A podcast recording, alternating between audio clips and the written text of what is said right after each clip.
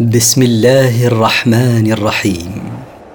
مركز تفسير للدراسات القرآنية يقدم المختصر في تفسير القرآن الكريم صوتيا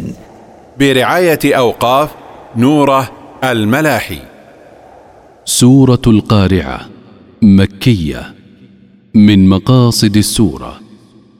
قرع القلوب لاستحضار هول القيامة وأحوال الناس في موازينها التفسير القارعة الساعة التي تقرع قلوب الناس لعظم هولها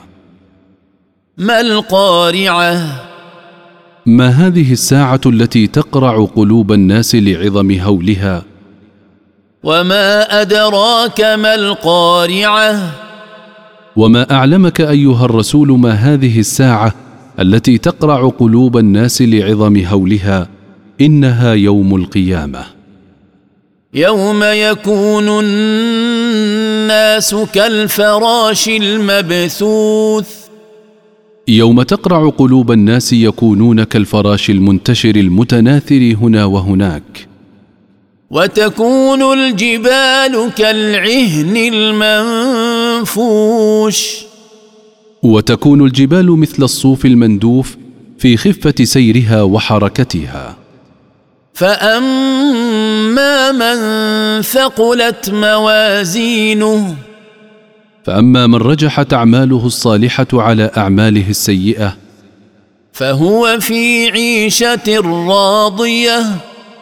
فهو في عيشة مرضية ينالها في الجنة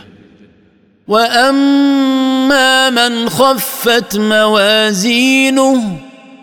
وأما من رجحت أعماله السيئة على أعماله الصالحة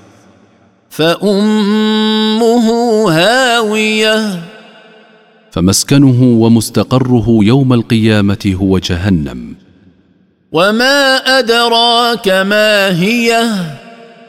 وما أعلمك أيها الرسول ما هي نار حامية هي نار شديدة الحرارة